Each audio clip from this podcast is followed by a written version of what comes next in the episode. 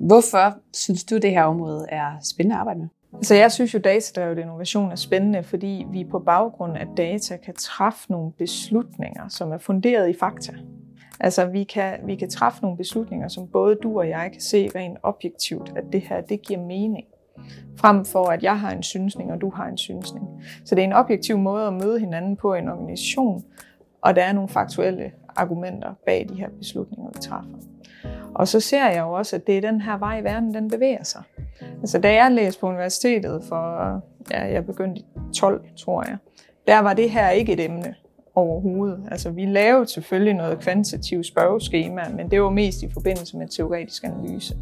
Men jeg kan se, at jeg i min hverdag, der kan jeg ikke komme udenom at arbejde med data. Jeg synes, det er enormt spændende, og at man kan se mønstre i store datasæt, og på baggrund af det træffe nogle beslutninger.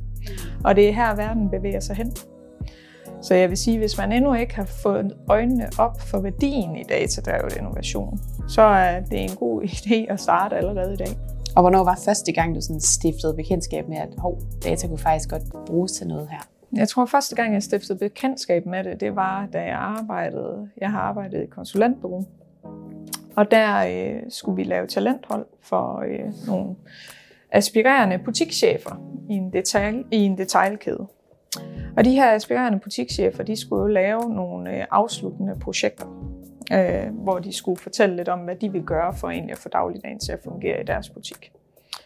Og der, det var et hold på 20. 19 af dem, de havde jo været ude i den her butik, og de havde snakket med nogle medarbejdere, og de her medarbejdere, de havde alle sammen en holdning til, hvordan at man nu skulle få nogle flere kunder ind, og hvordan man skulle øh, få solgt nogle flere produkter.